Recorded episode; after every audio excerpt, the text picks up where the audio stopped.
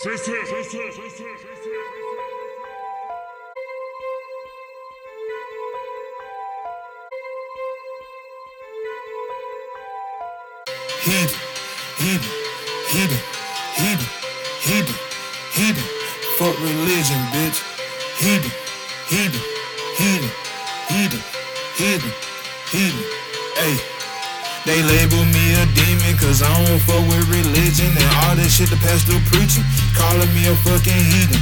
They say you going to hell, you gonna be trapped in Satan's cell. I reply, what the fuck is hell? Cause hell is already here. Any nigga that do evil shit could be the devil. If you don't fuck with Christ, then they call you a fucking rebel. They say they see shit in the sky, they see signs, but I don't see shit, so I guess I'm fucking blind. But who am I to deny anybody the right to believe in God or the devil? I'm a fucking agnostic in society, fucking wormhole. What the fuck I know? All I see is despair fucking rapture. Hey. Niggas don't worship they gods no more, they worship they pastor. Hey, religions are the biggest pimps in my eyes. That's why I don't comply or conform to they bullshit.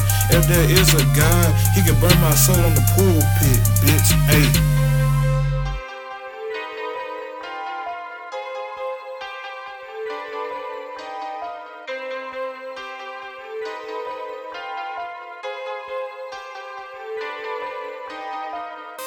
Religion is a bitch and I don't fuck with that shit. Too many conformities to fucking deal with. I'm my own, God, and don't need another nigga to tell me to worship what I don't see, nigga. Revenge on the church for making up this shit. People scared to live their lives cause they worship different shit. Too many sick religions are corrupt today. They giving people false hope for some little bits of change.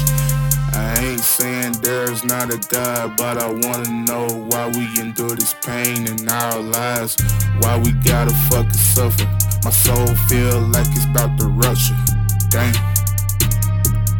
When you realize you don't feel a thing, you will see the church is the biggest scandal, man.